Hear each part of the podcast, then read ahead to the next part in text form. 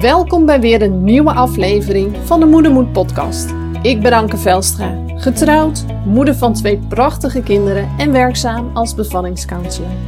De geboorte van je kind is een van de meest bijzondere dingen die je kunt meemaken in je leven. Een ervaring die je leven voorgoed verandert en je hele leven zal bijblijven. Juist daarom is het belangrijk dat je met een goed gevoel op je bevalling kunt terugkijken. En dat is ook wat ik iedere vrouw gun. Helaas is bevallen niet voor alle vrouwen één grote roze wolk. En als er één ding is wat deze vrouwen met elkaar gemeen hebben, dan is dat dat ze zich enorm eenzaam voelen in hun ervaring. Met de Moedermoed podcast wil ik voor deze vrouwen een plek van herkenning creëren door het delen van verhalen van moedige moeders over bevallingen die anders liepen dan verwacht. Expert-interviews en tips en inzichten vanuit mijn werk als bevallingscounselor en als ervaringsdeskundige. Ik wens je veel luisterplezier, herkenning en mooie inzichten toe.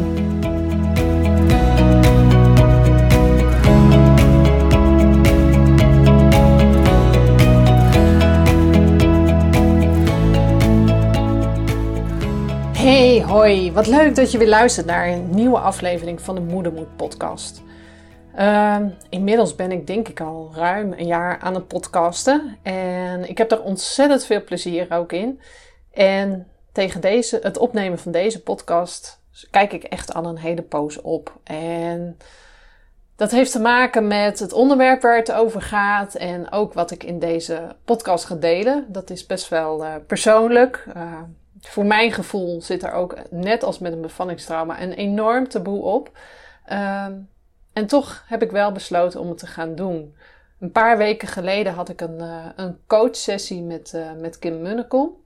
En ik vertelde daar mijn verhaal. En ja, zij gaf ook aan van joh, je bent helemaal niet zielig. Uh, je moet juist dit verhaal gaan delen. Want er zit zo'n enorme power achter dit, dit verhaal. En ja, dit, dit moet je gewoon gaan delen. Dit moet je gewoon gaan vertellen. Dus ja, zij heeft me er eigenlijk toe aangezet om, uh, om het verhaal wel te vertellen en wel te gaan delen. Uh, maar ik vind het best spannend. Dat mag je wel eerlijk van mij weten.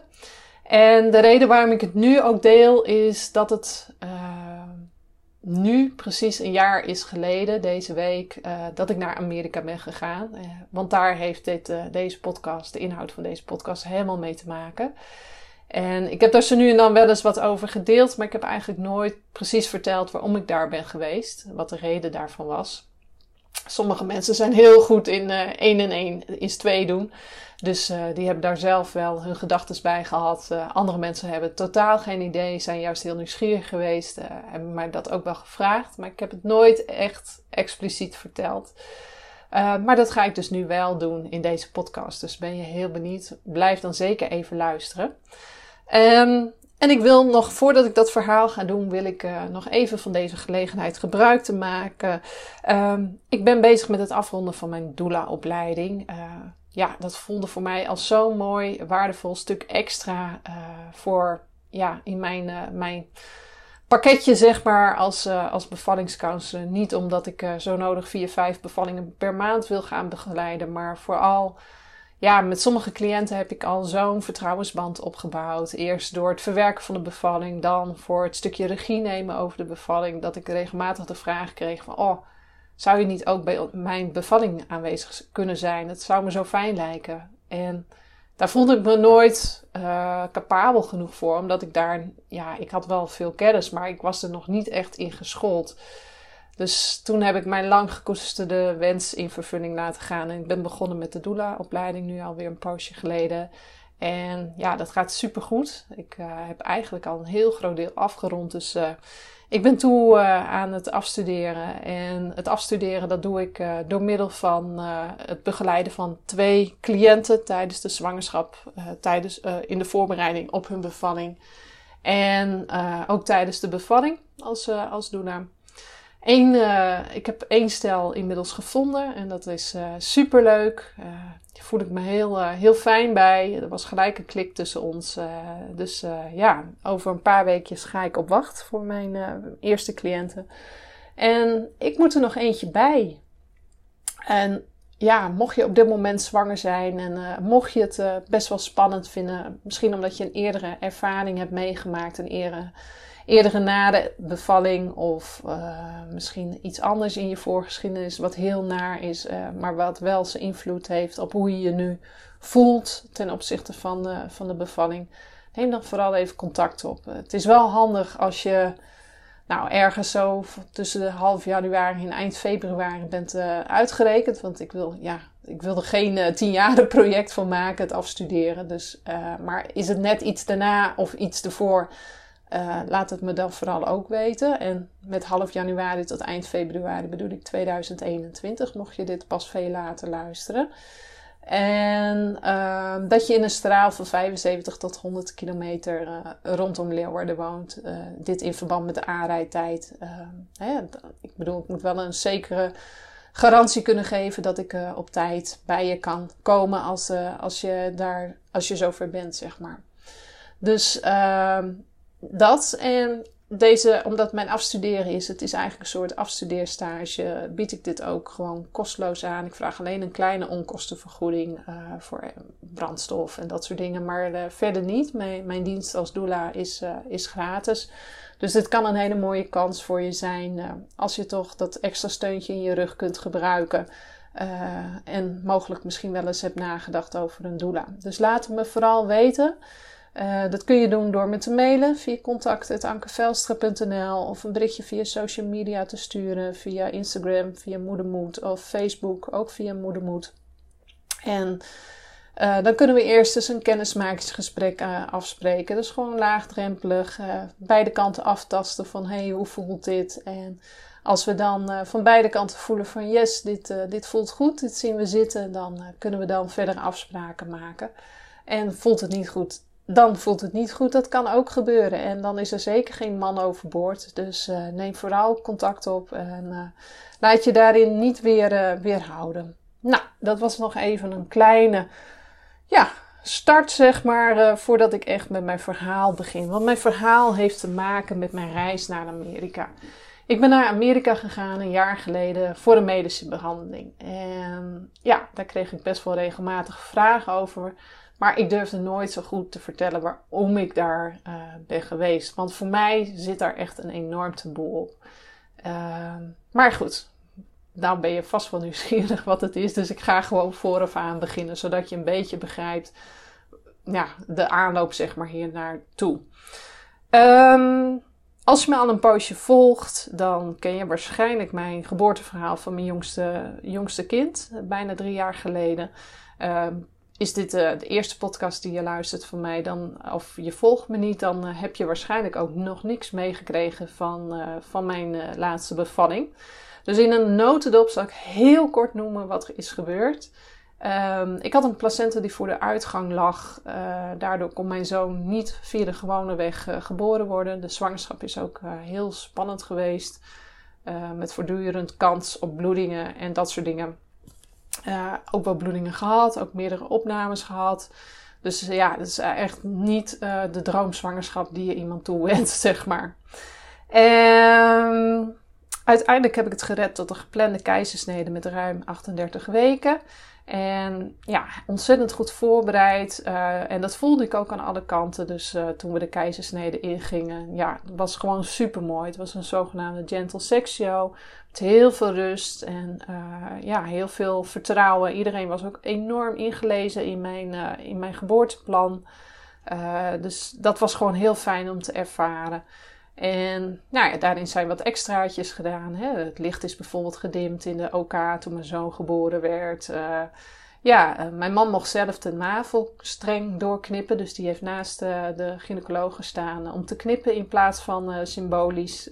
maar hij mocht het echt doen. Nou ja, dat zijn gewoon van die bijzondere momentjes die, ja, die, die je gewoon een heel positief gevoel hebben gegeven.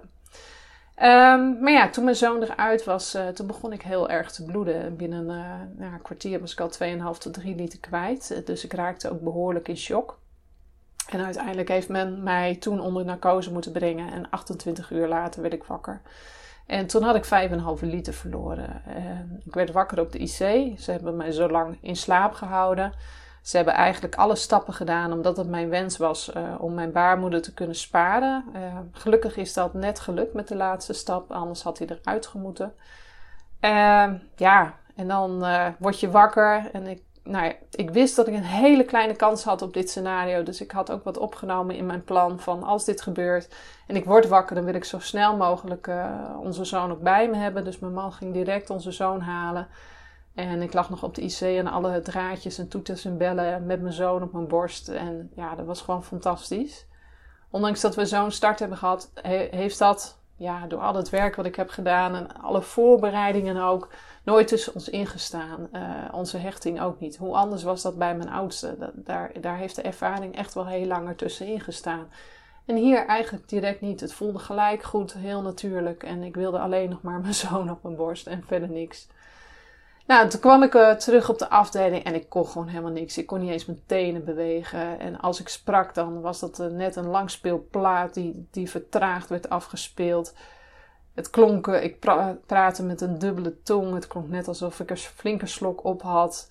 En alles ging heel vertraagd. En de eerste nacht vond ik verschrikkelijk. Ik durfde ook niet te slapen om mijn ogen dicht te doen. En als ik dat wel even deed, dan was het net alsof ik in een soort lift zat, iedere keer naar beneden zakte of uh, aan het schommelen was. Of uh, nou ja, dat voelde heel naar. Achteraf bleek ik nog een heel laag HB te hebben, dus dat heeft dat waarschijnlijk veroorzaakt. Ja, dus ik durfde ook gewoon niet mijn ogen dicht te doen. Want stel dat ik dan niet meer zou wakker worden. Was heel beangstigend die eerste nacht. Mijn man sliep bij me, mijn zoon sliep bij me. En ik hoorde hun ronken, zeg maar. Hun geluidjes. En ja, zelf heb ik gewoon de hele nacht klaar wakker gelegen. En ja, ik, ik kon ook bijna niks verdragen. Geen schermen, geen, geen telefoon, geen televisie, prikkels niet. Uh, dan begon ik helemaal te zweten, geluiden niet, mensen om me heen niet. Het, het, was eigenlijk allemaal te veel. En ergens ook logisch natuurlijk als je dit hebt meegemaakt. En nou, na een week, ik heb heel hard geknokt. Ik heb nog drie uh, zakken extra bloed gekregen. Nou, toen was mijn HB weer een beetje acceptabel, zodat ik in ieder geval in de benen kon. Want zodra ik op mijn benen ging staan, dan... dan brak het zweet me overal uit. Toen was ik drijfnat. Ik kon bijna niks meer. En daarna werd dat gelukkig beter na die transfusie. Een week later uh, heb ik echt voor geknokt om toen naar huis te kunnen. Want ik wilde heel graag voor de kerst thuis zijn. En dat is gelukt. Helaas uh, konden ze me een dag later weer naar het ziekenhuis sturen. Toen had ik een beginnende baarmoederontsteking. En uh, ja, heb ik een nacht aan het infuus gezeten. En kreeg ik de volgende dag tabletten mee, zodat ik weer naar huis kon. En toen was ik weer lekker thuis met mijn gezin. Uh, hebben de kerstdagen thuis samen gevierd. Ik had gelukkig nog wat extra kraamzorg. Die kwam elke dag nog een paar uurtjes assisteren. En uh, de dag na kerst, zij was voor het laatst. En toen zei ik al van jongens, dit is niet goed. En uh, ze voelde, toen voelden ze dat mijn baarmoeder weer helemaal omhoog was gekomen. Dus ja, toen moesten er weer de nodige telefoontjes gepleegd worden. Dat was voor haar de tweede keer al dat ze me naar het ziekenhuis kon sturen. Een fantastisch lieve kraamhulpaar gehad hoor. Echt een enorme steun. En uh, ja, toen kwam ik in het ziekenhuis aan. Toen ging ze weer kijken met de echo. En uh, toen bleek mijn baarmoeder weer vol met bloed te zitten. Echt, uh, er zat een liter in. En uh, de wanden bleken ook heel dun te zijn. Dus ja, hij, en, en er bleek ook nog een placentarest te zitten. Dus ja, de gynaecoloog keek me aan van ja, weet je, hij zit er nog in je baarmoeder, maar vertel me niet hoe. Volgens mij moet hij er gewoon uit, want we kunnen eigenlijk niks meer. Nou ja, goed, natuurlijk is dat heel verdrietig, maar op dat moment kon ik eigenlijk alleen maar voelen zo van haal dat ding er alsjeblieft uit, want ik ben deze spanning ook gewoon zat. Ik, ik kan het niet meer. Um, nou, daar hebben ze nog meerdere keren met elkaar over moeten overleggen. Nog zelfs met Groningen. Want ja, er was al zoveel gebeurd. En nu zou ik weer een pittige operatie moeten ondergaan. Hè? Zou mijn lichaam dat wat trekken? Maar ja, eigenlijk was laten zitten gewoon ook geen optie. Want dat zou ook heel veel ellende gaan geven met bloedingen. En uh, ja, dan zouden er misschien, hè, na de geboorte van mijn zoon was al gezegd dat hij waarschijnlijk op termijn eruit zou moeten. Van nou ja, hij zit er nog in, maar vraag niet hoe. En ja, dat kwam nu een beetje eerder dan, uh, dan verwacht.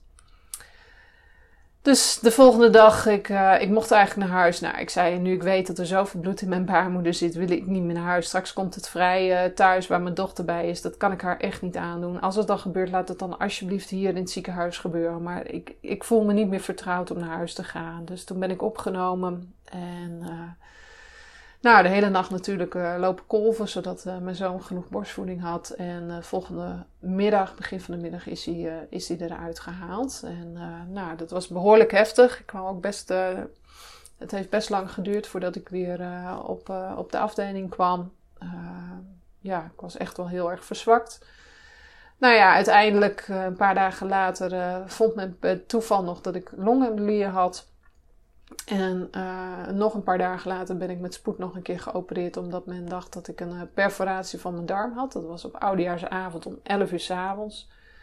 Gelukkig was dat niet het geval, maar bleek mijn buik vol met bloed. Ik had waarschijnlijk een nabloeding gehad en stolsels te zitten, dus die hebben ze toen helemaal schoon moeten spoelen. Ja, en uh, toen een paar dagen later, toen ik eindelijk uh, geen koorts meer had, kon ik eindelijk naar huis. Uh, maar ja, weet je, ik was nog maar een schim van mezelf. Als je in zo'n korte tijd zoveel voor je kiezen krijgt, ja, dat doet wat met je. Dus mijn fysieke herstel heeft ook best wel heel veel tijd gekost. Ik heb de eerste paar maanden heb ik ook thuiszorg gehad, die mij hielpen met douchen en met aankleden, want ik had gewoon niet eens de energie om te doen. En dan was het de afweging van ja, als ik dat dan op een gegeven moment zelf ga doen, dan kan ik de rest van de dag niks meer. Dus uh, ze hebben me nog een poosje ondersteund, zodat ik nou ja, heel langzaam weer iets kon doen op een dag. Uh, en dan moet je je voorstellen, uh, even één keer in de, in de rolstoel naar de supermarkt of zo. Weet je, dat was voor mij op dat moment al een uitje. Ik kreeg in de herstelfase ook ondersteuning van de fysiotherapeut. Die zijn een paar keer bij mij aan huis geweest. En op een gegeven moment ben ik weer gaan sporten. Uh, bij hen om mijn conditie verder op te bouwen. En ja, het heeft best wel een paar maanden geduurd, maar uiteindelijk ja, ging dat best wel heel goed. En uh, kreeg ik al vrij snel toch wel weer aardige conditie terug. Uh, ik denk dat het ongeveer een half jaar verder was. Toen liep ik toch alweer uh, stukken van, van 8000 stappen of 10.000 stappen op een dag. Ik heb heel veel gewandeld achter de wagen, want dat is natuurlijk fantastisch om je conditie op te bouwen. Maar er was ook een stuk wat bij mij achterbleef. En dat was mijn hele cognitieve stuk. Nou, als je me inmiddels een beetje kent, al wat langer volgt, dan weet je ook uh, dat, dat ik van mezelf best wel een slimme dame ben. Ja, het voelt wat gek om dat zo te zeggen, maar het is wel zo. Ik heb heel veel opleidingen gedaan. Uh, ik ben hoger opgeleid. Ik heb nog uh, een stukje aan de universiteit gestudeerd. Dus dom was ik niet. En toch voelde ik me zo. Ik, ik vergat echt alles. En natuurlijk hoort dat er een beetje bij als je zwanger bent geweest en bevallen bent. Maar dit was echt wel heel extreem. Toen mijn man weer op een gegeven moment aan het werk ging en ik alleen thuis bleef met mijn zoon, uh, schreef ik alles dan maar op in mijn agenda. Want dan vergat ik het niet. Maar ik vergat zelfs in mijn agenda te kijken. Dus vergat ik alsnog alles. Dus toen uh, gingen we elke avond allemaal uh, postertjes schrijven. En die plakten we dan op een voor mij een, een, plek die voor mij heel erg de hele dag door in het zicht was. Dus dat was bij ons de, de eethoek, de eettafel. En dan kon ik één voor één die postertjes afwerken, zodat ik de dingen niet vergat. En als ik het had gedaan, dan moest ik hem er ook echt afhalen en weggooien. Want anders dan uh, verstrikte ik er gewoon in. Dat voelde zo bizar. Uh, maar het zat in meer dingen. Ik kon niet meer goed lezen. Ik, ik, ik kon niet meer de tv goed volgen. Als ik ergens naartoe ging, dan werd ik helemaal gek van de geluiden. Ik had uh, elke dag hele zware hoofdpijn. Ik kon bijna niks op een dag. Ik bedoel, als ik twee afspraken op een dag had, dan was ik helemaal kapot. En dan had ik het gevoel als de ogen mij scheel in de kop stonden, om het zo maar te zeggen. Uh, maar ik, hele simpele dingen kon ik ook niet meer. Als mijn man me iets vertelde en ik moest dat even onthouden, dan vergat ik het. Als, als, als ja, weet je, uh, iets simpels als een krantenbericht. Iemand vertelt je daar wat over en je moet die informatie onthouden. En ik kon het gewoon niet meer reproduceren. Dus ergens voelde ik wel dat het niet klopte. En op een gegeven moment had ik wat besteld bij de Salando. En uh, nou ja, dat moest weer een deel van teruggestuurd worden. Dus in de doos zat een brief met een aantal stappen die je moest doorlopen om die zending weer terug te sturen. En ik kon het gewoon niet. Ik las het, maar ik snapte het niet. En ik wist niet wat ik eerst moet doen en laatst moest doen. Ik, ik snap, ik kon het gewoon helemaal niet meer doorzien. Ik dacht, wat gebeurt hier nou toch? Verdorie, ik ben toch niet dom geworden? Ik, ah, twijfel, ik begon zo aan mezelf te twijfelen, aan mijn kunnen. En uh, mijn vriendin, uh, die, die artsassistent gynaecologie was op het moment dat ik was bevallen. Uh, en ook bij mijn keizersnede aanwezig was. Ik heb haar op een gegeven moment ook wel eens gevraagd: kan het zijn dat ik misschien een zuurstoftekort heb gehad? Want ja, weet je, het, het voelt allemaal zo raar in mijn hoofd. Dit, is niet wie ik ben. En, en eh, het gaat allemaal zo vertraagd. En, en, en ja, het voelt gewoon niet goed. Nee, nee, nee, nee, dat kon absoluut niet. En bla bla bla. Nou, oké. En uh, ik liep ook nog bij de medisch psycholoog. Want ja, als je zo'n bevalling hebt meegemaakt, heb je toch wel even een steuntje in de rug nodig. En ik maakte het ook bespreekbaar bij haar. Ik zei, ik voel me zo dom. Ja, ik ben nog wel slim en dat weet ik ook nog wel. En toch voel ik me tegelijkertijd heel erg dom. En ja, nou ja, je hebt ook wel heel veel meegemaakt, hè? dus dat was ook wel heel traumatisch. Ja, maar ik zei, wat bedoel je nou te zeggen? Dat, dat, dat ik last heb van een trauma? Nou ja, dat zou kunnen. Ja, maar ik zei, weet je, dat is mijn werk, daar heb ik heel veel verstand van. Maar ik voldoe toch helemaal niet aan dit criteria, aan dat criteria en dat criteria. Dus hoe kun je daar nu een stempel op willen drukken van trauma? Nee, nee, dat kon inderdaad niet. Nee, ik zei, dat lijkt me ook. Dus dat, dat voelt voor mij niet goed. Nee, nee, nee. Nou, uiteindelijk dan toch nog de EMDR geprobeerd. Maar dat lukte niet, want geen trauma, want geen nare herinneringen om mee te werken. Dus ja, dat, dat lukte ook niet. Dus op een gegeven moment heb ik het weer bij haar aangekaart. We waren denk ik zo'n 7, 8 maanden verder. Ik zei, ja, fysiek ga ik echt ontzettend goed vooruit. Maar ik heb gewoon het idee dat het stagneert op cognitief gebied. Ik, ik ben lang niet de oude. Ik, ik, ik voel me nog steeds dom. Ik heb zoveel klachten. En ook mijn spreken. Hè, nu kan ik vrij vlot praten, maar op dat moment was dat heel vertraagd. En was het net alsof mijn hoofd en mijn mond niet meer synchroon met elkaar liepen. Dat was heel ja, heel, heel frustrerend. Um, en ik merkte dan ook bijvoorbeeld als ik afspraken had met een, een, specialist in het ziekenhuis, dat ik niet altijd kon vertellen wat ik wilde vertellen. En dan kwam ik later thuis en dan was ik zo boos op mezelf. En dan wist ik het heel goed wat ik wilde vertellen, maar op dat moment lukte het me gewoon niet. Nou ja, uiteindelijk na meerdere gesprekken hierover met de medische psycholoog uh, werd er gezegd van nou dan gaan we een, uh, een een neuropsychologisch onderzoek doen. En daarmee kunnen ze je cognitieve capaciteiten testen. Dus uh, dat hebben we gedaan. En een paar weken later kreeg de uitslag. En daar kwamen dus wat afwijkingen uit. Uh, dingen die niet helemaal op niveau. Kijk, we hadden natuurlijk niet een, een, een nulmeting gedaan op het moment uh, dat alles nog goed was. Um, maar ja, hè, gezien mijn opleidingsniveau, gezien mijn leeftijd, uh, mocht je op bepaalde punten toch wel iets meer verwachten dan wat ik nu liet zien. Het was wel heel specifiek op bepaalde gebieden, niet op alles. Uh, maar het paste wel bij wat ik elke dag ook uh, ervoer in mijn leven, zeg maar. Dus dat zei ik ook van ja, dit is nou precies waar ik, waar ik in mijn dagelijks leven constant op struikel, wat niet goed gaat. Nou ja, maar ik had nog steeds heel veel meegemaakt. Dus uh, waarschijnlijk had het toch nog even de tijd nodig. Nou ja, oké. Dus ik gaf het weer de tijd en ik ging gewoon door. Ja, weet je, als er dan niks aan de hand was, dan ja, waar moest ik dan rekening mee houden? Na een paar maanden heb ik toch op een gegeven moment gevraagd van... joh, kan ik niet wat cognitieve revalidatie krijgen om me op dit stuk te helpen? Want ik loop gewoon vast. Dit lukt gewoon niet. Nee, nee, nee, nee, nee, dat was absoluut niet voor mij, want daar was ik veel te goed voor. Oh, oké. Nou, op dat moment had ik eigenlijk al het gevoel van er zit gewoon al een hele poos geen groei meer in. Het, het, het blijft op hetzelfde punt hangen en dit is absoluut niet het punt waar ik vandaan kom. Bij lange na niet. Dit, dit is niet oké. Dus dan ben ik weer teruggegaan naar de medisch psycholoog. Ik zei, ik, ik, ik stagneer. Ik ga niet meer vooruit. Uh, er zit geen groei meer in en ik ben bij lange na niet op mijn oude niveau. Ik, ik voel me slecht. Ik, ik, ik ben heel snel moe, overprikkeld. Ik heb, ik heb zware hoofdpijnen. Ik kan bijna niks op een dag. Uh, het, dit, dit is niet wie ik ben. Ik, ik snap dingen niet meer. Ik, ik heb het overzicht niet meer. Nou, toen, bij hoge uitzondering, normaal willen ze daar iets meer tijd tussen hebben. Uh, maar er zat alsnog volgens mij een maand of acht tussen. Uh, hebben we besloten om dat neuropsychologisch onderzoek nog een keer te herhalen. Om te kijken hoe mijn niveau zou zijn. En een paar weken later kwam de uitslag daaruit. En ik was 0,0 uh, vooruit gegaan ten opzichte van het uh, onderzoek daar acht maanden daarvoor. Dus ik had nog steeds dezelfde beperkingen. Dus toen zei ik tegen haar: Ik zei, dit kun je nu niet meer alleen verklaren met trauma, of wel? Nee, dat kon inderdaad niet.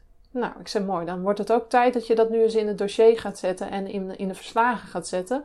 Want iedereen drukt gewoon een gigantisch grote stempel trauma op mijn hoofd op basis van wat ik heb meegemaakt. Maar ik zei, ik voel me daardoor niet getraumatiseerd. Want een trauma zit niet alleen in de heftige gebeurtenissen die je meemaakt. Het zit nog veel meer in hoe er met je om wordt gegaan. Ik zei, er is met mij fantastisch goed gecommuniceerd. Ik heb me gehoord en gezien gevoeld. Uh, ik heb me veilig gevoeld in de handen van mijn artsen. Dus uh, ik heb me daardoor nooit getraumatiseerd gevoeld. Het is wel heftig geweest en dat ontken ik ook niet, maar het is niet een trauma. Ik herken het niet zoals het na de eerste bevalling was. Dit is compleet anders. Tuurlijk heb ik wel verdriet om, om de manier waarop het is gegaan. Tuurlijk heb ik verdriet over dat ik, dat ik mijn baarmoeder ben verloren, dat ik de eerste 28 uur uit het leven van mijn kind mis. Maar ik heb geen trauma. Nee, nou, dat was nu ook inderdaad wel duidelijk. Ondertussen was ik ongeveer twee weken voordat ik die uitslag kreeg, was ik, na een paar weken denk ik al extra, was ik op uh, Instagram een bericht voorbij gekomen. En misschien uh, luister je deze podcast ook, want we volgen elkaar nog steeds. We hebben elkaar ook ontmoet. Uh, van de Epic Sisters. Dat waren twee zussen die ook dit soort klachten hadden. En uh, een daarvan ook mogelijk door uh, groot bloedverlies. Uh, hele andere reden hoor. Totaal anders. Maar dat speelt wel mee in een van deze zussen. En die zouden voor behandeling naar Amerika. Dus ik heb met hen eens wat berichten gestuurd van joh, wat voor behandeling is dat en wat is er gebeurd en bla bla bla. En ik werd eigenlijk steeds geïnteresseerder. Dus ik ben dat eens gaan opzoeken. Ik ben gaan googlen. Ik ben ervaringen van anderen gaan googlen. En ik werd hoe langer hoe meer enthousiast. En op een gegeven moment heb ik dat mijn man onder de neus gedrukt. Ik zei, kijk. Ik zei, volgens mij moeten we hier naartoe. Want volgens mij is dit mijn enige kans om, om beter te worden. Want uh, ja, als het zo gaat zoals het hier in Nederland gaat, ga ik niet herstellen. En gaat dit straks worden van, uh, mevrouw, accepteer dit maar en uh, succes met uw leven. Maar ik voelde aan alles wel van, als dit mijn leven nu is, dan word ik, word ik niet gelukkig. Want ik voel me zo naar en ik kan gewoon bijna niks. Het voelde echt als een soort glazen kooi. Je moet je voorstellen, ik kon niet meer naar danswedstrijden van mijn dochter. Ik kon eigenlijk niet meer naar verjaardagen, want daar moest ik heel lang van herstellen. Niet naar bioscopen, eh, restaurants, alleen het geluid van het bestek, dat rinkelde. Oh, verschrikkelijk. Ik ging er helemaal stuk van. Dus ik, ik kon gewoon bijna niks meer. Ik had een paard op stal staan waar ik bijna niks mee kon, omdat mijn reactievermogen zo vertraagd was. En het was nog een jonkie en niet helemaal veilig. Ja, als dat mijn voorland zou zijn voor de rest van mijn leven, zou ik echt dood en de dood ongelukkig worden. Maar die kant leek het wel op te gaan. Dus toen mijn man het las, hij was ook enthousiast. En we konden een, een, een, gratis eerste kennismakingsgesprek plannen. En we hadden zoiets van, dat moeten we maar gewoon doen. En we zien het wel. Laat, laat, laat je je verhaal maar vertellen en je klachten omschrijven en laat maar horen of zij daar wat mee kunnen. Want deze behandeling in Amerika was een behandeling voor mensen die dit soort klachten hadden als gevolg van een hersenschudding uh, en of uh, whiplash. Uh, ja, ik viel totaal niet in hun, uh, hun vaste cliëntenpopulatie. Maar ik had wel dezelfde soort klachten. En ik dacht, ja, als, als ze die twee andere dames kunnen helpen, die ook andersoortig uh, oorzaak hebben, maar wel dezelfde klachten, kunnen ze mij misschien ook helpen. Dus ik heb ze gemaild. Ik moest een vragenlijst invullen. Die heb ik ge, ingevuld. En op basis daarvan zouden zij een inschatting maken of ik in aanmerking kwam voor het gratis kennismakingsgesprek. Nou, gelukkig kreeg ik al vrij snel mail dat dat het geval was. Uh, dus die afspraak werd ingepland. We gingen eerst nog een weekje op vakantie in Turkije. En uh, ja, de dag daarna, nadat we terugkwamen, stond deze afspraak gepland om, uh, om vijf uur s middags. Dus dat hebben we gedaan. Mijn man en ik zijn samen voor het scherm gaan zitten. We hadden afspraak ja, ik weet niet meer met wie het precies was, uh, maar iemand die in ieder geval een hele goede inschatting kon maken op basis van mijn verhaal mijn klachten, of ik geschikt zou zijn voor deze behandeling. Het was zo'n fijn gesprek. Voor het eerst voelde ik me zo begrepen in mijn klachten. En uh, was het ook in één keer zo logisch, al deze klachten. En ze hadden ook allemaal met elkaar te maken en een verband met elkaar. Voor het eerst voelde ik me met deze klachten, want dat was absoluut hier in Nederland nog niet gebeurd, echt gehoord en gezien. er viel echt zo'n last van mijn schouders af. En ik had ook zoiets van: zie je wel, ik ben gewoon niet gek. Er klopt gewoon echt iets niet.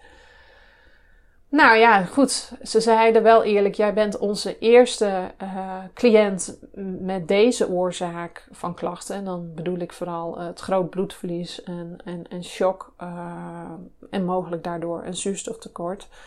Um, dus ja, dat vinden we eh, wel spannend. Hè? We kunnen je geen garantie geven dat deze behandeling voor jou gaat werken.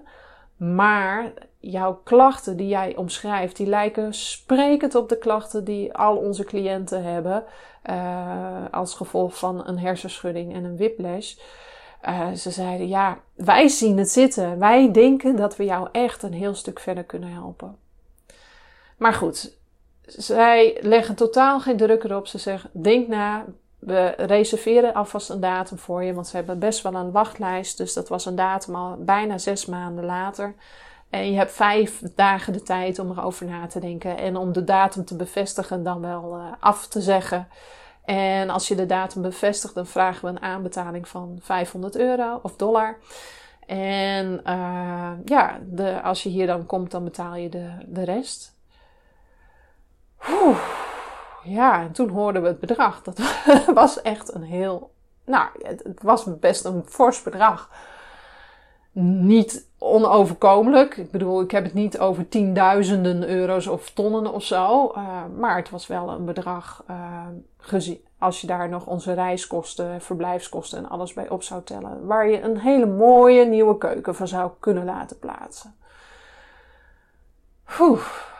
Nou ja, uh, een heel goed gevoel hebben het gesprek afgerond. En mijn man en ik keken elkaar aan. Mijn man had gelijk zoiets, dit moeten we gaan doen. Ik vond het heel spannend, want ja, ik had zoiets van... Hier in Nederland zeggen ze allemaal dat er niks aan de hand is. En straks geven we zoveel geld uit. En dan blijkt daar dat, dat er ook niks aan de hand is. En uh, mm, slik dan heb ik uh, voor niks zoveel geld er doorheen gejaagd. Nou, mijn man had echt zoveel vertrouwen gekregen van het gesprek. Die zei: We moeten dit gewoon doen. Dit is volgens mij je enige kans op uh, een stuk herstel. En ik merk en zie aan je dat je gewoon dood ongelukkig bent in, op de manier zoals je je nu voelt en zoals je nu functioneert. Dus laten we het doen. Dit is onze enige kans en uh, we gaan er gewoon voor. Dus we hebben vrij snel laten weten dat we graag de datum wilden. Toevallig viel de datum ook nog uh, deels in de herfstvakantie, uh, waardoor ja, mijn man werkte in het onderwijs, hè, een deel vakantie kon opnemen. En hij had nog een stuk ouderschapsverlof, wat hij nog voor een deel heeft ingezet, zodat hij mee zou kunnen. Hè, want de reis zou totaal 2,5 week zijn. Nou, met de school van mijn dochter kunnen regelen dat mijn dochter mee mocht. Nou ja, mijn was sowieso geen probleem, omdat hij nog heel klein was. En uh, we hebben het gedaan. Nou, waar ben ik uh, naartoe geweest? Ik uh, ben naar de Cognitive FX geweest in, in Provo, Utah, in, in Amerika. En ehm, ja, was eigenlijk wel heel bijzonder, want ehm, ik ja, ben natuurlijk in die tussenliggende maanden alles gaan regelen om daar naartoe te gaan. En ik merkte hoe dichterbij die datum kwam, hoe zwaarder ik het kreeg. En vooral zo van, oh, ik moet nog zes weken wachten. En dan eindelijk zal ik meer weten. En hopelijk kan ik dan eindelijk een stuk herstel nog doen, wat ik nodig heb. En ja, ik vond het heel pittig. Die laatste paar weken werkte ik wel. Ik ontmoette in die tijd nog een, eh, een andere super leuke, lieve vrouw, inmiddels vriendin van mij, die uh, een CVA had gehad en ook uh, deze klachten had. En ja, ondanks dat er ook de oorzaak weer verschillend was, vonden we zoveel herkenning bij elkaar. Uh, beide hoog opgeleid, compleet. Ja, zij werkte een paar uurtjes in haar functie. Ik, ik ga even niet benoemen wat haar functie is, omdat ik niet weet of ze dat fijn vindt in verband met de herkenbaarheid. Uh, en ik werkte een paar uurtjes in de week als bevallingscounselor, omdat het voor mij zo belangrijk was dat werk te kunnen blijven doen. Het was ook een uitlaatklep uh, en ik hou gewoon van mijn werk. ja, dus wat er voor een ander een hobby is, uh, mijn werk voelde voor mij precies zo. En, maar het was belangenaar niet wat ik wilde en het was ook belangenaar niet wat zij wilde. We waren beide do doodongelukkig bij ja, hoe we op dat moment ons voelden en functioneerden. Um, nou ja, wat, wat is er nou zo bijzonder aan deze behandeling ten opzichte van uh, wat ze hier in Nederland doen? Hier in Nederland, uh, ja, nee, laat ik eerst maar even vertellen uh, wat er aan de hand is, want dat zou het een stuk makkelijker maken. Ik heb dus aan de geboorte van mijn zoon niet aangeboren hersenletsel overgehouden. Ik heb dus daadwerkelijk een zuurstoftekort ervaren. Waarom? Weet ik niet. Hoe dat kan, weet ik ook nog steeds niet is nog wel steeds iets wat me bezighoudt, maar ja, wel wat meer op de achtergrond gelukkig nu. Um, maar ja, en dat verklaarde dus mijn, uh, mijn klachten.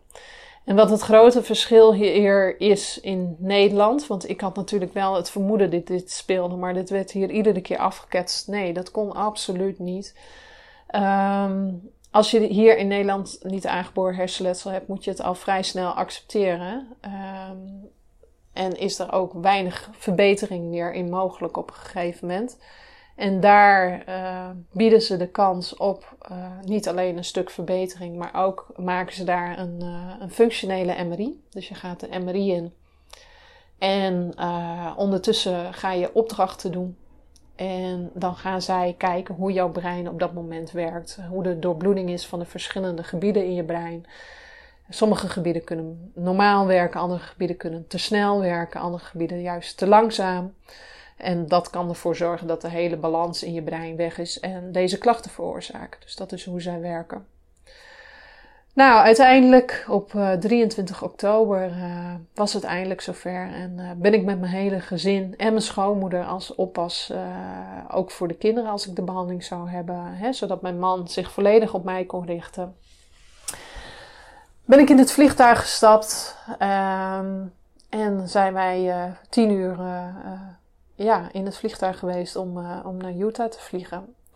Sowieso, Schiphol was voor mij een drama met alle prikkels. En als er zoveel beweging om me heen was, dan kon ik ook bijna niet meer lopen. Want ik was gewoon volledig overweldigd. Dus ik had op Schiphol assistentie aangevraagd. Dus ik werd uh, keurig met de rolstoel, met mijn uh, noise cancelling koptelefoon uh, door Schiphol geloodst. Versneld door alle controles en checks. Dus dat was heel fijn. Ik had een sleutelhanger omgekregen met het lieve heerspeesje erop. Zo'n zo'n keycord, zeg maar. Die kun je gratis bij de assistentiebalie halen. Was net nieuw in die tijd. En dat keycord dat staat voor dat jij een niet zichtbare aandoening hebt en dat je met rust en veel rust en, en, en dat soort dingen benaderd moet worden. Um, dus ook ideaal bijvoorbeeld voor mensen met uh, klachten die passen in het autistisch spectrum of ADHD of uh, noem maar op. Uh, vraag absoluut zo'n keycord als je gaat vliegen. Want daarmee weet gewoon iedereen als het goed is. Toen was het nog net nieuw, wisten nog heel veel mensen het niet. Maar nu inmiddels ga ik ervan uit van wel. Uh, ja, dat, dat je gewoon met iets meer rust benaderd moet worden. En ja, toen ik bij de, bij de ja, gate zat te wachten. Uh, toen werd ik geparkeerd naast een andere cliënt die ook naar Amerika ging vliegen, die ook in mijn week zat. We hadden toevallig van tevoren al even contact gehad via Facebook.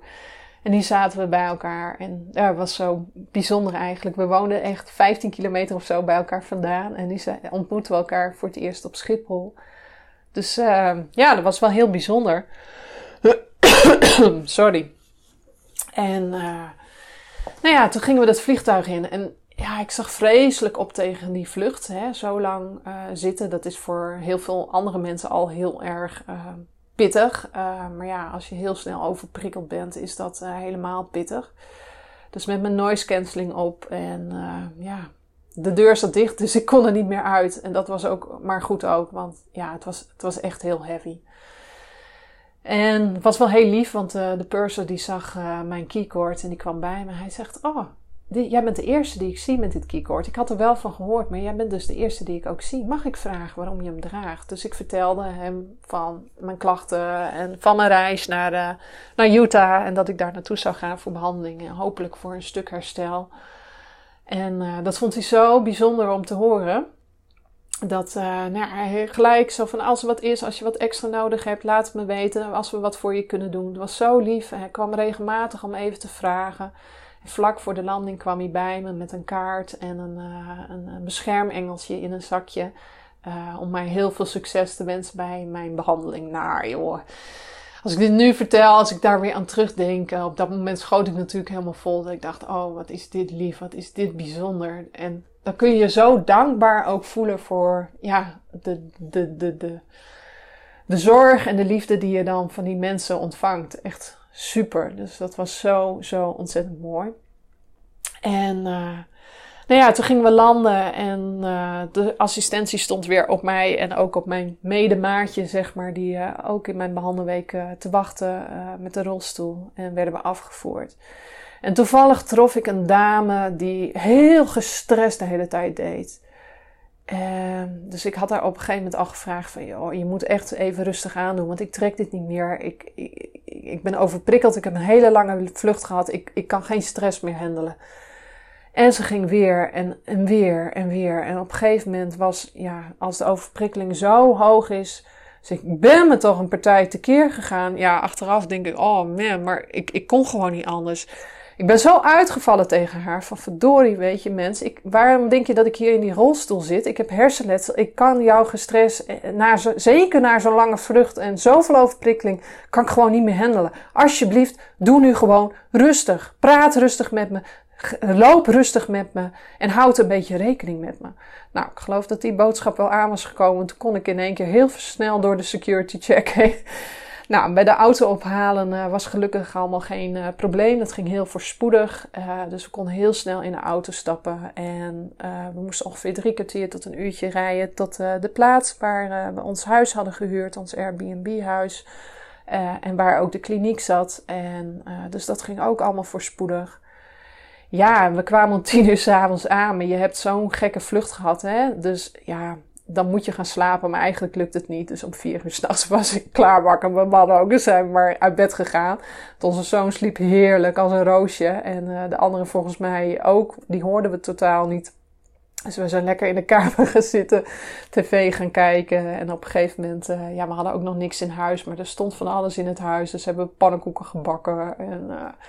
ja, nou ja, toen zijn we s ochtends eerst maar eens uh, spullen gaan halen, uh, boodschappen gaan doen. En uh, kon ik de omgeving voor het eerst ook zien. Prachtig, in de Rocky Mountains. Super mooi daar en wel koud. Stralend mooi weer. Zonnetje, blauwe lucht, maar wel, wel frisjes. En ja, het was maar goed ook. We hadden één rustdag ertussen gepland. En de dag daarna zou ik dan mijn scan krijgen. Want ik voelde me totaal niet goed, joh. Ik ik stond helemaal te wiebelen op mijn benen. Het was net alsof ik op een schip zat. En uh, heel veel duizelingen en uh, bloeddrukdalingen. En uh, de hele dag door had ik hartstikke honger. En toch genoot ik gewoon van, oh, ik ben er nu eindelijk. Ik ga nu hopelijk mijn herstel tegemoet.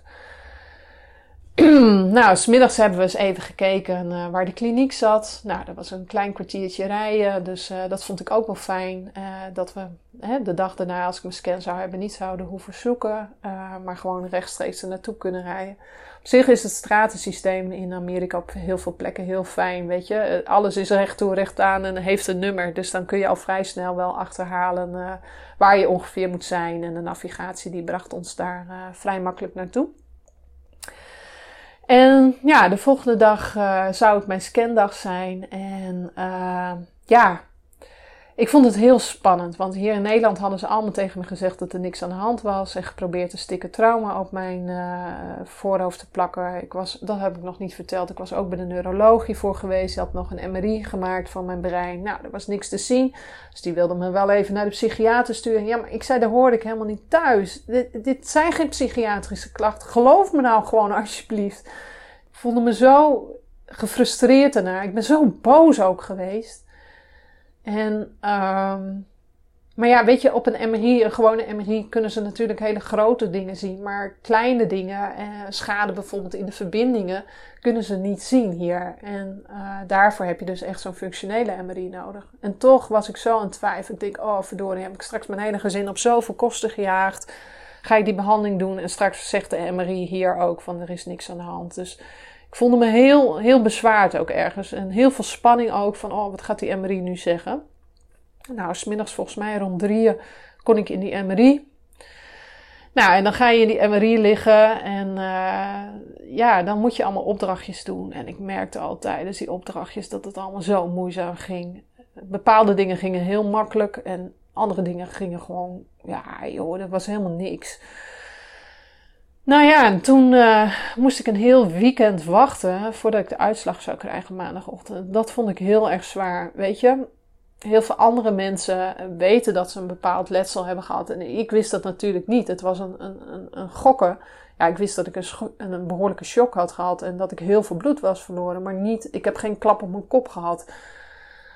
Dus ik vond dat weekend wachten vond ik echt, echt heel erg zwaar. We zijn uh, gaan wandelen die zaterdag. Uh, we zaten natuurlijk in zo'n mooie omgeving. Dus we hebben lekker gewandeld. En ja, die zondag hebben we gewoon lekker gecocoend. Toen uh, sneeuwde het ook. Dus we hebben, hadden een jacuzzi bij het huisje. Dus we zijn lekker in de jacuzzi ook geweest. En ja, nou, toen was ze eigenlijk maandagochtend aangebroken. Dat zou mijn behandelweek ook zijn. En die zou starten met een rondleiding. En daarna zou ik mijn uitslag krijgen. Dus uh, de behandelweek zou ik helemaal alleen doen. Dat wordt ook verwacht. Hè? Partners mogen niet de hele week erbij blijven. Maar bij de uitslag mag je partner wel uh, aanwezig zijn. Dus uh, mijn man die, uh, is met de rondleiding meegegaan. En daarna is hij met me meegegaan naar de uitslag van het gesprek. En ik kreeg de, de scan uh, onder ogen, die werd voor me neergelegd. En ik zag dat mijn balkje niet in het groen zat, ook niet in het oranje zat, maar hij zat hartstikke in het rood en ook niet zo'n beetje ook. En ik zag dat en ik begon te huilen. En de arts die met mij dat gesprek voerde, ze zei: Ja, er was toch echt wel behoorlijk wat mis uh, in jouw brein. Jouw brein werkt echt niet goed. Er is echt letsel. En je, bent je bent niet gek, je stelt je niet aan. En op basis van mijn hele scan, uh, dat was helemaal uitgewerkt per oefening die ik heb gedaan in de MRI, kon zij al mijn klachten beschrijven waar ik last van had. En oh man, het voelde als zo'n warm bad. Ik dacht, oh eindelijk zie je wel, ik ben gewoon niet gek. Het klopt echt. En ja, dus heel veel emotie ervaarde ik op dat moment. Opluchting, blijdschap, uh, maar ook heel veel boosheid. Potverdorie, wat hebben ze me hier in Nederland onderschat? En ja, maar, dingen aangedaan, dingen tegen me gezegd die gewoon niet oké waren, niet leuk waren. En toen begon mijn behandelweek. Dus mijn man ging weg. We hadden afgesproken, ik had een uur pauze tussen de middag. En ik ging volgens mij tot half vijf of vijf uur door die middag. Dus uh, tijdens het uurtje lunchpauze zou die komen, zou die wat te eten meenemen. En zouden we even wandelen. En voor de rest uh, moest ik vol aan de bak.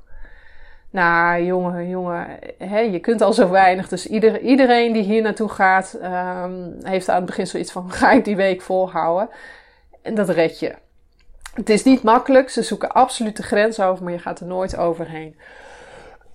Op dat moment dat dat gebeurt, dan uh, neem je even direct gas terug, zodat je weer oké bent en daarna ga je er weer vol tegenaan.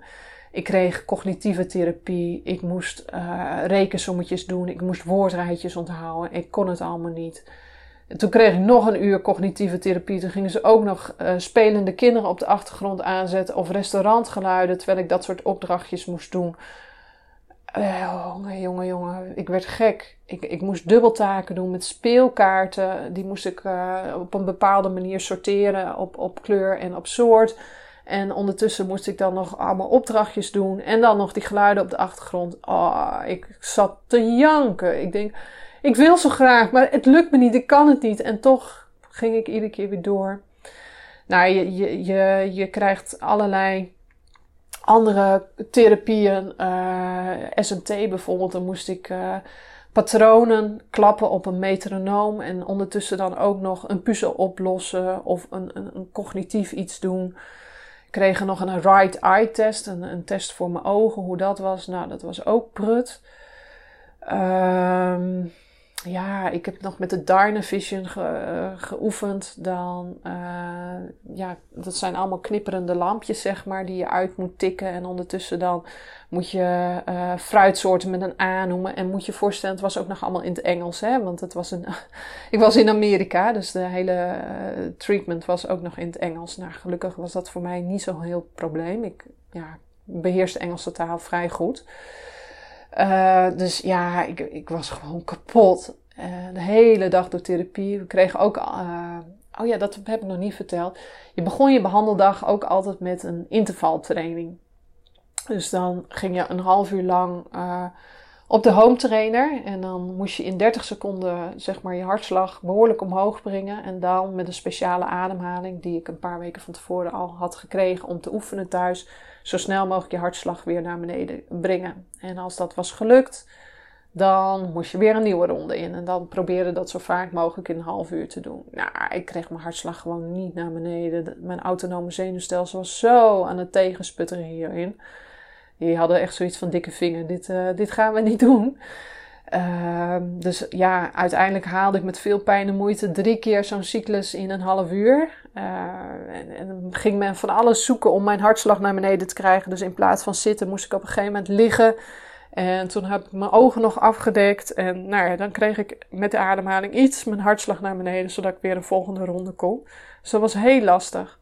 Daar begon je dus iedere dag mee. En uh, halverwege de dag, dan ging je dit nog een keer doen, een half uur. En dan kreeg je ook nog neuromuscular therapie. Met andere woorden, een hele fijne nekmassage en schoudermassage. Om ook alle afvalstoffen en bloedvoorziening goed te laten doorlopen. Nou, dat was het enige hele fijne op zo'n dag. Nou ja, zo'n behandeling uh, volg je individueel, maar je bent wel met een groep. Ik denk van 10, 12 mensen tegelijk. Uh, en in mijn wijk waren er volgens mij uit mijn hoofd zes Nederlanders. Ik ben dus een van de, nou nu zo'n ruim 400 Nederlanders uh, die de afgelopen twee, drie jaar daar is geweest. Hè, het ligt natuurlijk nu een poos stil door corona of maar mondjesmaat inmiddels weer.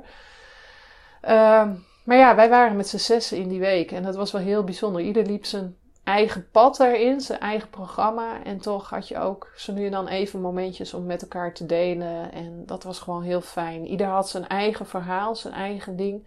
En toch zat er ook een gemeenschappelijkheid in. Nou, ik kwam thuis die eerste dag. Ik was helemaal kapot. En uh, ik kon bijna niks meer. Ik kon bijna niet meer praten. Ik was helemaal overprikkeld. Ik was zo emotioneel aan alle kanten. Boos, bij, verdrietig tegelijk vooral ook boos dat de artsen in Nederland hier het zo onderschat hadden. En uh, ja, ik, ik zou met mijn dochter in de jacuzzi gaan zitten en die zat de hele tijd: Mama, mama. Ik had echt zoiets: ga weg. Dus ja, ik schoot zo uit mijn slof tegen haar. Ik vond het heel jammer achteraf dat ik dat heb gedaan, maar ik kon gewoon niet meer. Dus ik heb daar eerst in mijn eigen bubbel in de jacuzzi zitten chillen. Zo van: oh, ik moet eerst tot mezelf komen. Daarna ben ik in, in, in mijn capuchon gekropen. Die heb ik over mijn hoofd getrokken. Uh, ik heb in mijn eentje op de bank zitten eten. Terwijl de rest aan tafel zat te eten. Het, het, kon niet meer. Het wilde niet meer. Het was. Ik dacht, oh, als dit zo de hele week gaat, dan weet ik het niet. Nou ja, ik ben gaan slapen. En de volgende dag stond weer een hele lange therapiedag me te wachten. Uh, maar ik voelde me wel ietsje beter. En gedurende de dag merkte ik ook dat de opdrachten die me de eerste dag zo moeite, met moeite afgingen, een klein stukje makkelijker gingen. Ik voelde me echt wel ietsje anders in mijn hoofd al. Niet veel, maar het, er was wel iets veranderd. En aan het einde van de dag kwam ik thuis en uh, had ik gewoon nog praatjes. En kon ik mijn gezin ook gewoon om me heen uh, verdragen. Terwijl ik een hele intensieve dag had gehad. En dat was zo bizar. En ze hadden me van tevoren al gewaarschuwd dat woensdags de man met de hamer langs zou komen. Nou, dat gebeurde ook. Ik startte met de intervaltraining en werd me toch een partij beroerd. Ik, ik, nou, het scheelde niet veel of ik zou alles uitkotsen. Ik werd helemaal naar en, en licht in het hoofd. En nou, toen moest ik direct van de fiets afstappen, moest ik uh, zitten, rusten. Nou, met de vijf minuten ging het wel weer. Oké, hup, mooi, weer de fiets op. En ik heb de hele dag eigenlijk daar last van gehouden. De hele dag was pittige dag, zware dag, uh, beroerd. Ik moest visuele opdrachten doen. Nou, mijn hele, hele evenwichtssysteem ging er uh, van aan de kletter. Dus ja, dat was, was echt niet fijn. Niet een fijne dag. En ze hadden mij al aangeraden van volgens mij is de visueel ook het nodige met jouw mis. Om daarvoor nog naar een eye specialist te gaan, uh, dokter Duval. Dus daar had ik ook een afspraak gemaakt. En daar kon ik dan donderdagmiddag terecht. Nou, donderdag had ik uh, weer een therapiedag, allemaal therapie. En begin van de middag zou ik opnieuw in de scan gaan om te kijken wat de verbeteringen zouden zijn. En daarna moest ik naar dokter Duval. Dus uh, ja, en op zich ging het die dag qua therapie wel vrij redelijk. Ik was wel uh, tevreden. Nou, toen kwam ik bij dokter Duval en die deed een aantal testjes en onderzoeken bij me. En die zegt, uh, jeetje, je bent behoorlijk visueel beperkt. In de zin, mijn ogen werken verder prima. Ik zie voor 150% zelfs. Ik ben hier in Nederland ook wel bij de opticien geweest. Van, nou, zou ik misschien een bril nodig hebben? Zou dat al deze klachten veroorzaken? Maar die zeiden van nee, dit, eh, je ogen zijn prima. Als dit iets met je ogen is, dan komt dat ergens anders vandaan. Nou, dat bleek ook wel. Hij zei, als ik honderd mensen in een kamer bij elkaar zou zetten, hè, dan zouden er maar twee mensen in diezelfde ruimte zijn die zulke ernstige oogproblemen hebben als jij. En jij bent er één van. Ik zat in de tweede percentiel. Wow, nou, toen heeft hij Jeroen even, mijn man heet Jeroen, uh, laten ervaren hoe uh, ik op dit moment lees. Hoe, hoe mijn ogen op dat moment functioneerden. Nou, hij werd helemaal gek. Hij zegt, al die letters die verschuiven, die vallen helemaal uit elkaar. Hoe heb jij ooit in hemelsnaam zo je counselor'sopleiding gedaan? Want dat heb ik intussen tijd nog gedaan. Want ik, ik had wel de behoefte om mentaal geprikkeld te worden. Uh, ja, weet ik niet. Op wilskracht denk ik. Uh, want ja, dan moest ik ook wel veel lezen. Dus hele kleine stukjes lezen. Dan weer ontspanning. Weer een klein stukje lezen. En ja, er was toch hier niks met me aan de hand. Dus dan ga je toch door. En um, ja, nu snapte ik wel waarom het allemaal zoveel moeite kost. Hij zegt, je moet in Nederland moet je naar een neurooptometrist toe. Uh, heel veel kun je hierin nog trainen. Het zal wel pittig worden, maar dit is trainbaar. Je kunt weer jouw brein trainen en je ogen trainen om beter met elkaar samen te werken. Dus toen ik nog in, in Utah was, heb ik gelijk al een afspraak gemaakt met een neurooptometrist hier in Nederland. Zo van, nou, dan kan ik daar zo snel mogelijk mee starten. Want hoe eerder ik start, hoe eerder ik me ook hopelijk beter ga voelen. Um, nou, en de vrijdag, de laatste dag van de behandelweek, uh, had ik weer een gesprek met de arts. En uh, toen kreeg ik mijn nieuwe scanresultaat. En dat was absoluut een stuk beter uh, dan de eerste keer. Het was niet helemaal perfect, het was nog niet helemaal nul. maar het was absoluut een heel stuk beter dan het was. Ik zat nu weer in de groene zone, maar zeker nog niet op nul. En ik vond het lastig, want ik merkte wel kleine verbeteringen, maar nog niet heel erg veel. Er waren ook mensen in mijn behandelweek uh, die al hele grote verschillen merkten, met name in, in de prikkelgevoeligheid. En uh, ja, mijn, mijn vriendin, hè, die was een paar weken voor mij gegaan, uh, die merkte eigenlijk ook gedurende die week al direct heel veel verschil. En ik niet. Het, het, was soms heel kort. Sommige momenten kon ik weer heel vloeiend spreken. En dan na vijf minuten kon dat ook zo weer weggaan. Dus het fluctueerde nog heel erg. Maar dat was normaal. Ze zeiden, weet je, hier, hier in Amerika fixen we jouw gebroken been. En in Nederland moet je leren lopen. Hè? En deze week is dat we iets doorbreken, zeg maar. Dat we je brein eigenlijk weer dwingen om de oude vertrouwde wegen te pakken in plaats van alle omwegen, wat zoveel energie kost. Uh, maar ja, thuis moet je dat eigenlijk weer consolideren, weer inslijten, zeg maar.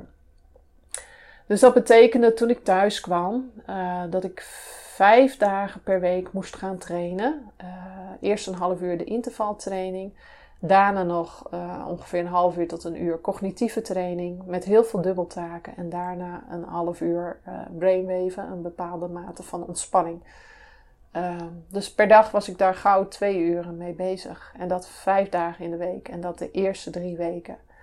Daarna mocht ik gaan afbouwen naar drie tot vier keer in de week. Nou, dat was voor mij dan vier keer in de week. omdat ik, ja, mijn herstel niet zo heel snel ging. En uh, pas als ik uh, stabieler zou worden, minder fluctuaties zou hebben in mijn klachten, uh, dan zou ik zeg maar naar één tot twee keer per week mogen. En als, dat, als ik echt stabiel zou blijven, dan mocht ik naar één keer per week onderhoud. En dat is dan wat ik de rest van mijn leven zou moeten blijven doen. Wow, nou, dat was wel even een ding. En ze zeiden ook tegen mij: Dit weekend mag je helemaal niks doen, want je hebt heel hard getraind deze week. Dus dit weekend moet je ontspannen. En na dit weekend uh, begin je dus ook al, ben je hier nog, uh, ga je hier al trainen. En ehm, ga je dus ja, starten met vijf keer in de week trainen en dan ga je in Nederland mee verder. Nou, poeh, dat is wel een ding. Nou, dat weekend rustig aangedaan, gewandeld. Ik voelde me op zich redelijk wat spullen ingeslagen, zodat ik ook kon trainen in Amerika. En uh, ja, gewandeld en ja, ontspannen vooral. En uh, we bleven daarna nog een aantal dagen in Amerika. Want stel, mijn herstel zou niet goed genoeg zijn geweest na deze week. Dan bieden ze nog één of twee extra boosterdagen aan om nog een extra verbetering te bewerkstelligen. Nou, dat was voor mij niet nodig. Ze hadden echt het vertrouwen dat het thuis zou komen. Uh, dus we hadden nog een paar dagen. En we zijn, een van die dagen zijn we nog even naar Salt Lake City geweest om daar te kijken. En dat hield ik een paar uurtjes vol. Daarna was het ook helemaal op, klaar. En had ik mijn oude klachten ook allemaal weer. Maar ja, die paar, paar uurtjes waren wel heel bijzonder om dat weer te ervaren. Dat dat kon. En dat was wel heel mooi. Nou ja, om een lang verhaal kort te maken, uh, ja, ja, had ik toch hersenletsel. Um, dat kwam wel heel duidelijk uit die scan. En zij omschrijven het van, ja, zie je brein als een soort computer met allemaal tabblaadjes open. En op het moment dat je zoveel bloed verliest, uh, ja, is er ook minder bloed om zuurstof en alles rond te pompen. En gaat je brein dus tabblaadje voor tabblaadje afsluiten. Uh, ja, om, om in besparingsstand te gaan, om zo min mogelijk uh, zuurstof te verbruiken. Om om ja, deze situatie te overleven, zeg maar. Normaal gesproken zou je verwachten na zo'n situatie dat die computer, dat het brein zich weer normaal gaat opstarten, een soort reset doet en dat al die tabbladen weer open gaan. En dat gebeurde bij mij niet. Uh, dus dat verklaart eigenlijk ook ehm, ja, waar, waarom het allemaal zo moeizaam hier ging. De eerste tijd in Nederland was voor mij zwaar. Na een paar weken uh, vloog uh, mijn evenwichtsorgaan eruit. Waardoor ik uh, extra visuele klachten kreeg. Ehm, ik ben vrij snel gaan trainen voor mijn ogen. Eigenlijk die week, diezelfde week al toen ik thuis kwam. Dat was ook intensief. Ehm, ik was er echt nog lang niet. Maar heel geleidelijk aan begon ik wel kleine verschillen te merken. En kon ik steeds een klein beetje meer. En ik denk na een maand of drie dat ik echt zoiets had van ja, dit gaat echt wel een stukje beter.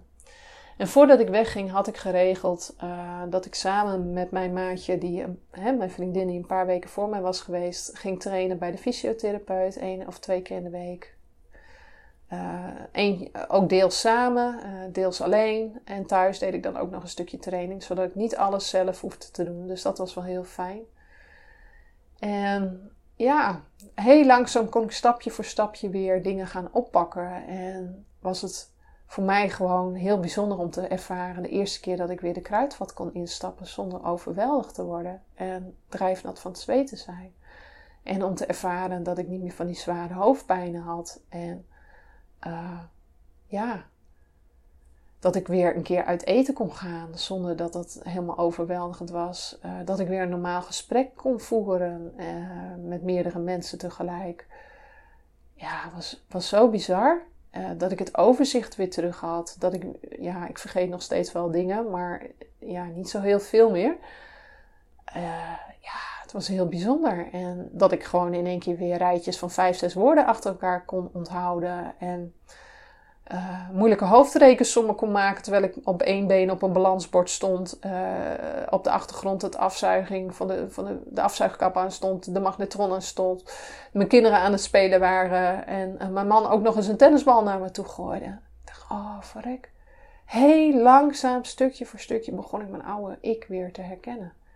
Dit was wie ik was. Dit was wat ik zo had gemist de afgelopen jaren.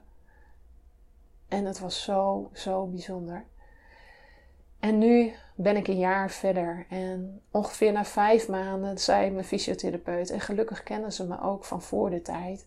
Ze zegt tijdens die sessie: Ik kan jou gewoon niet meer uitdagen. Volgens mij ben jij cognitief weer helemaal op je oude niveau. Ik zeg ja, volgens mij ook.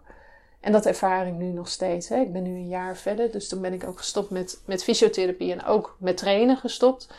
Uh, want dan is het dagelijks leven en inmiddels had ik mijn werk alweer behoorlijk opgepakt. En bijvoorbeeld het podcasten of uh, andere dingen doen. Dat is dan al zoveel training eigenlijk uh, dat je niet meer apart hoeft te trainen. En ja, nu ben ik een jaar verder en ik denk dat ik. Ik ben niet meer 100% ouder geworden. er zijn nog steeds losse eindjes. Maar ik denk ja, het is moeilijk om te zeggen hoeveel je bent hersteld. Ik zou, ik zou zeggen 80 Uh, op dit moment werk ik weer zo'n 18 tot 20 uur in mijn eigen praktijk. Uh, en ik denk dat er in de toekomst nog wel wat meer rek in zit. Maar dat kan ik ook vooral omdat ik in mijn eigen praktijk werk en het op mijn eigen voorwaarden kan doen. Ik denk niet dat ik uh, meer in loondienst zou kunnen functioneren, laat staan in mijn oude vak als leerkracht. Dus dan is het wel lastig om daar een percentage aan te hangen. En er zijn nog steeds losse eindjes. Mijn ogen zijn nog steeds niet goed. Ik heb een uh, opinion gedaan en toen bleek dat ik esoforie had. Uh, dus dat mijn ogen, uh, dat ik eigenlijk scheel keek, alleen ja, voldoende reserve had om te compenseren. dus daar heb ik nu deels een bril voor en weer, ben weer begonnen met trainen. Nou, ehm, uit hersenletsel kan ook hormonale stoornissen komen, dus daar rommel ik ook mee. Slapen is nog steeds voor mij lastig in slaap te vallen. Um, ja, dat kon, had ik nooit moeite mee, maar dat komt echt vanuit hersenletsel. Dus ja, dingen zijn, sommige dingen zijn nog lastig. Voor mij is het belangrijk dat ik uh, goed nadenk over hoe ik mijn dag plan. Dat ik er voldoende rust- en herstelmomentjes in plan. Uh, ik mediteer veel. Ik doe veel mijn ademhalingsoefeningen. Um, maar ja, daaromheen, als ik nu weer uit eten wil, of ik wil even een paar uurtjes de stad in, dan kan ik dat gewoon. Ik kan weer drie tot vier keer in de week paardrijden. Nou ja, mijn werk heb ik weer opgepakt. Als ik zou willen, zou ik met mijn dochter mee kunnen naar een danswedstrijd. Ik kan uit eten. Uh, daar moet ik zeker nog wel van herstellen, alleen veel minder lang. Uh, waar ik daar eerst een, week van moest herstellen, is het nu soms een paar uurtjes of een dag. En dat is prima, daar valt gewoon heel goed mee te leven. Denk dat ik gewoon een enorme kwaliteit van leven weer terug heb, ondanks dat het gewoon niet meer 100% is. Maar voor mij is het oké. Ja, dat is eigenlijk, denk ik, het verhaal. Ik ben eigenlijk nog vergeten te vertellen wat voor mij het allergrootste dieptepunt was. Dat was vlak voordat ik naar Amerika ging. Toen was mijn man later thuis. En toen vroeg hij aan mij: Wil je alvast beginnen met het eten? Dit is het recept. Heel makkelijk recept. Moest een paar dingen uit de voorraadkast pakken. En ik stond met mijn telefoon in de handen met het recept. En ik stond voor die voorraadkast. En het lukte me gewoon niet om de transfer te maken tussen datgene wat ik las op de telefoon en datgene wat ik moest pakken uit de voorraadkast. En ik begon toen zo te janken op dat moment. Ik denk, jeetje, wie ben ik nog? Dit is zo niet wie ik ben. Ik vond het zo, zo intens heftig om mee te maken. Dus ik heb mijn man toen huilend opgebeld. Ik zei, het, het, het lukt niet. Ik, ik, sta hier voor die kast en ik zie het recept wel en ik weet wat ik moet pakken, maar ik kan het niet pakken. Ik weet het ook weer niet. Hij zei: Oh, laat maar, alsjeblieft. Uh, we bestellen dan straks wel wat of zo. Laat maar, het is goed. En een poosje later, toen was hij ook wat later en toen vroeg hij aan mij om alvast de pannen op het vuur te zetten. En ik zette drie pannen op het vuur en ik kon het helemaal niet meer managen welke pan nou eerst moest en hoeveel tijd er tussen moest. Dat iets misschien langer op moest staan dan iets anders. En ik, ik kon het overzicht niet meer managen tussen die drie pannen. Ik heb alles laten aanbranden. Het ging helemaal mis. Ik liet het gas aanstaan. Het was onverantwoord. Maar ik kook normaal nooit. Mijn man kookt altijd. Dat is zijn hobby. Dus dat was pas het moment dat we ook erachter kwamen van dat ik dat gewoon compleet niet kon. En hoe onveilig dat eigenlijk ook was geweest. Maar Inmiddels kan ik gewoon weer drie pannen op het vuur managen. Uh, lukt het me prima om een recept met benodigdheden te pakken. En ja, functioneer ik gewoon weer. Cognitief zit ik echt wel weer 100% op mijn oude niveau. Ja, er zijn nog wat losse eindjes, maar ja, goed, daar valt wel mee te leven. En dit stuk heb ik dus nooit durven vertellen, want ik was Weet je, als je een bevallingstrauma hebt, als je trauma hebt, ben je al heel erg bang dat mensen je op een bepaalde manier gaan behandelen of naar je kijken, weet je wel. Er zit ook nog gewoon steeds een enorm taboe op. Maar dat had ik met dit ook. En inmiddels weet ik dat dit verhaal een verhaal was wat in mijn eigen hoofd was ontstaan. Want ik voelde me gewoon zo vreselijk dom. Terwijl ik dat absoluut niet was. Ik bedoel, eh, ja, weet je, toen ik mijn counsellorsopleiding deed, ondertussen haalde ik de ene acht naar de andere acht en ook nog negens. En dat heb ik allemaal in één keer supergoed gehaald. Dus, weet je, cognitief, je intelligentie is niet aangedaan. Het zit meer in de voorwaarden om uh, gebruik te kunnen maken van die intelligentie. Dus slim was ik nog steeds. Alleen eh, ik, ik, ik kon niet meer plannen, ik, kon niet meer ik had het overzicht niet meer en een heleboel andere dingen. Die ervoor zorgden waardoor ik niet uh, volledig gebruik kon maken van de intelligentie die er zat. Maar die intelligentie wilde wel geprikkeld worden. Ik wilde wel graag nieuwe dingen blijven leren. Dus dat was zo, ja, zo lastig eigenlijk ook. En ja, ik was ook bang dat mijn cliënten daar wat van zouden denken. Van, oh, ik heb een hulpverlener met hersenletsel. Dat die me dom zouden vinden. Dus ja, ik hield het eigenlijk heel erg verborgen voor alles en iedereen. En ja, weet je, mijn cliënten kennen niet de persoon die ik voor die tijd was. Ik was de enige die die persoon kende. En ja, mijn naaste natuurlijk. Dus ja, zij konden het vergelijk ook niet maken. Dus het was echt iets wat in mijn hoofd was ontstaan. En ja, nu ben ik een jaar verder en moet je eens kijken, ik nul al een heel eind heen, uh, zonder rare haperingen of wat dan ook. Dus dat doet het gewoon weer. Ik heb mijn vertrouwen in mezelf weer terug. Ik heb een uh, bloeiende praktijk op dit moment. Ik help ontzettend veel leuke cliënten. En ja, ik zit echt super in mijn vel op dit moment. Uh, dus ik vond het ook tijd om dit verhaal nu te delen. En hopelijk kun je hier wat uithalen. Want ik weet dat er heel veel vrouwen zijn, bijvoorbeeld na een help of een pre-eclampsie, die ook dit soort klachten ervaren. En als je merkt na een paar maanden dat er amper verbetering zit, ga dan ook eens nadenken van, het wordt hier al snel op het psychische en mentale stuk geschoven, maar ga ook eens nadenken van ja, is er misschien ook wat anders aan de hand. Ik weet dat de kliniek inmiddels meerdere cliënten ook eh, hebben gehad, voornamelijk uit Amerika, die uh, een help hebben gehad of uh, een preeclampsie en deze klachten hebben overgehouden. Ik weet inmiddels dat de kliniek na mij ja, een paar maanden geleden ook iemand heeft gehad met dezelfde soort klachten. Dus ze waren heel blij met mijn casus, zodat ze nou ja, nog gerichter deze persoon zouden kunnen helpen. En ja, dat is een van de redenen waarom ik het heb gedeeld, maar ook om iets anders.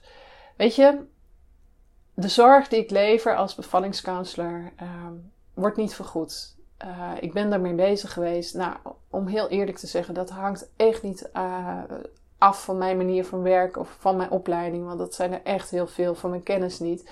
Het is gewoon een heel bureaucratisch gebeuren waar ik echt gewoon de buik vol van heb. Uh, nog maar meer dit, nog maar dat meer. En weet je, als je dan vergoed wordt, dan word je nog eens vergoed uit de aanvullende verzekering. Nou, dat wordt ook steeds verder uitgekleed. Dus de kans is gewoon heel klein. En ergens heb ik ook zoiets van, weet je, de behandeling die ik geef, ja, eigenlijk wil ik het geen behandeling noemen. Het traject wat ik geef om een bevalling te verwerken, bijvoorbeeld, is bij lange na niet het bedrag wat ik heb betaald om naar Amerika te gaan voor mijn herstel. Maar weet je, het gaat wel om jouw gezondheid, om uh, ja, hoe jij je voelt, hoe je in je vel zit, hoe je functioneert. En dan is het nooit te veel geld wat je daarvoor betaalt. Je wil niet weten, elke avond dank ik op mijn blote knietjes dat ik deze stap heb gezet, dat ik naar Amerika ben gegaan. Dat ik niet heb geloofd in wat ze allemaal hier in Nederland hebben gezegd, maar dat ik het vertrouwen had van ja, maar er is echt iets aan de hand. En dat ik voor zo'n groot stuk heb kunnen herstellen. En dan denk ik van ja, weet je, waar gaat het dan over voor dat traject voor je bevalling verwerken? En wat kost het je nu ook als je dat niet doet? Hè? En dat je het maar blijft uitstellen. Of uh, dat je zegt van, nou, ik ga wel naar de psycholoog, want dan wordt het tenminste vergoed. En dat je vervolgens nog drie, vier maanden op de wachtlijst terechtkomt voordat je aan de beurt bent. Dat zijn drie, vier maanden dat je niet lekker in je vel zit. Dat je je beroerd voelt. Dat je niet kunt genieten van je, van je, van je kind, van, van het moederschap. Dat je niet uh, lekker functioneert in je werk. Wat kosten die drie, vier maanden? Waar gaat dat de kosten van? En wat is dan die eenmalige investering van een paar honderd euro waar we het over hebben? Dat wilde ik ook nog heel erg zeggen van wees je daar bewust van. Weet je, de beste investering is in jezelf, in je eigen gezondheid. Dat betaalt zich altijd terug. En nee, misschien ben je na één behandeling of één traject niet volledig 100% hersteld. Ben ik ook niet. Ik ga nu ook nog steeds naar een neurooptometrist voor mijn ogen. Ik ga naar een acupuncturist. Hormonaal moet ik nog iets. Um, maar het grootste herstel is wel door die behandeling gebeurd. En voor de andere stukjes volg ik nu aanvullende dingen nog. Worden ook niet vergoed, betaal ik ook allemaal zelf. Maar wat ik ervoor terugkrijg, dat staat niet in verhouding. Het is een investering, maar ik voel me er zoveel beter voor.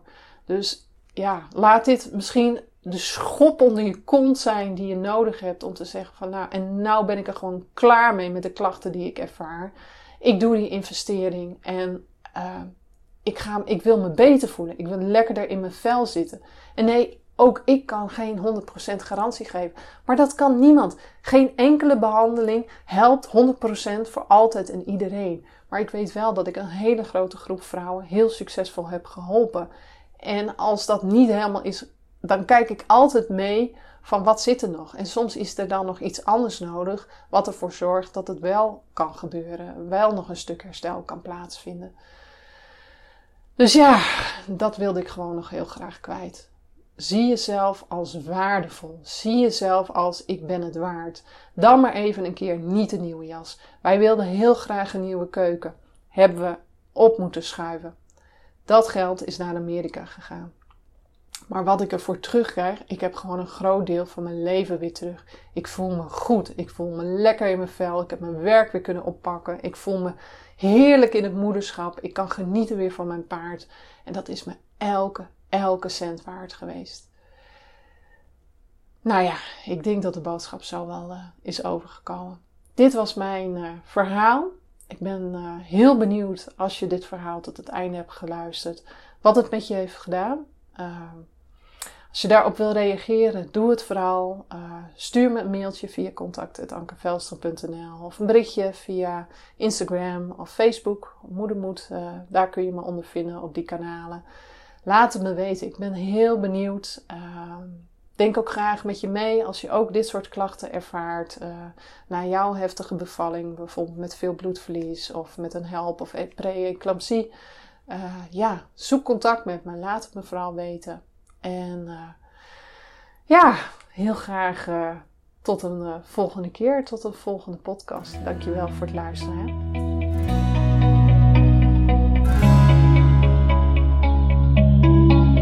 Heel erg bedankt voor het luisteren naar deze aflevering van de Moedermoed podcast.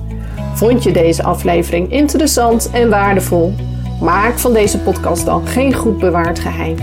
Bijvoorbeeld door een screenshot te delen via social media of stories en mij daarin te taggen, of door een review achter te laten op Apple Podcasts. Daardoor wordt de Moedermoed podcast nog beter gevonden en kan ik zoveel meer vrouwen bereiken en ondersteunen die zich nu eenzaam voelen in hun bevalervaring. Dankjewel alvast en heel graag tot de volgende podcast.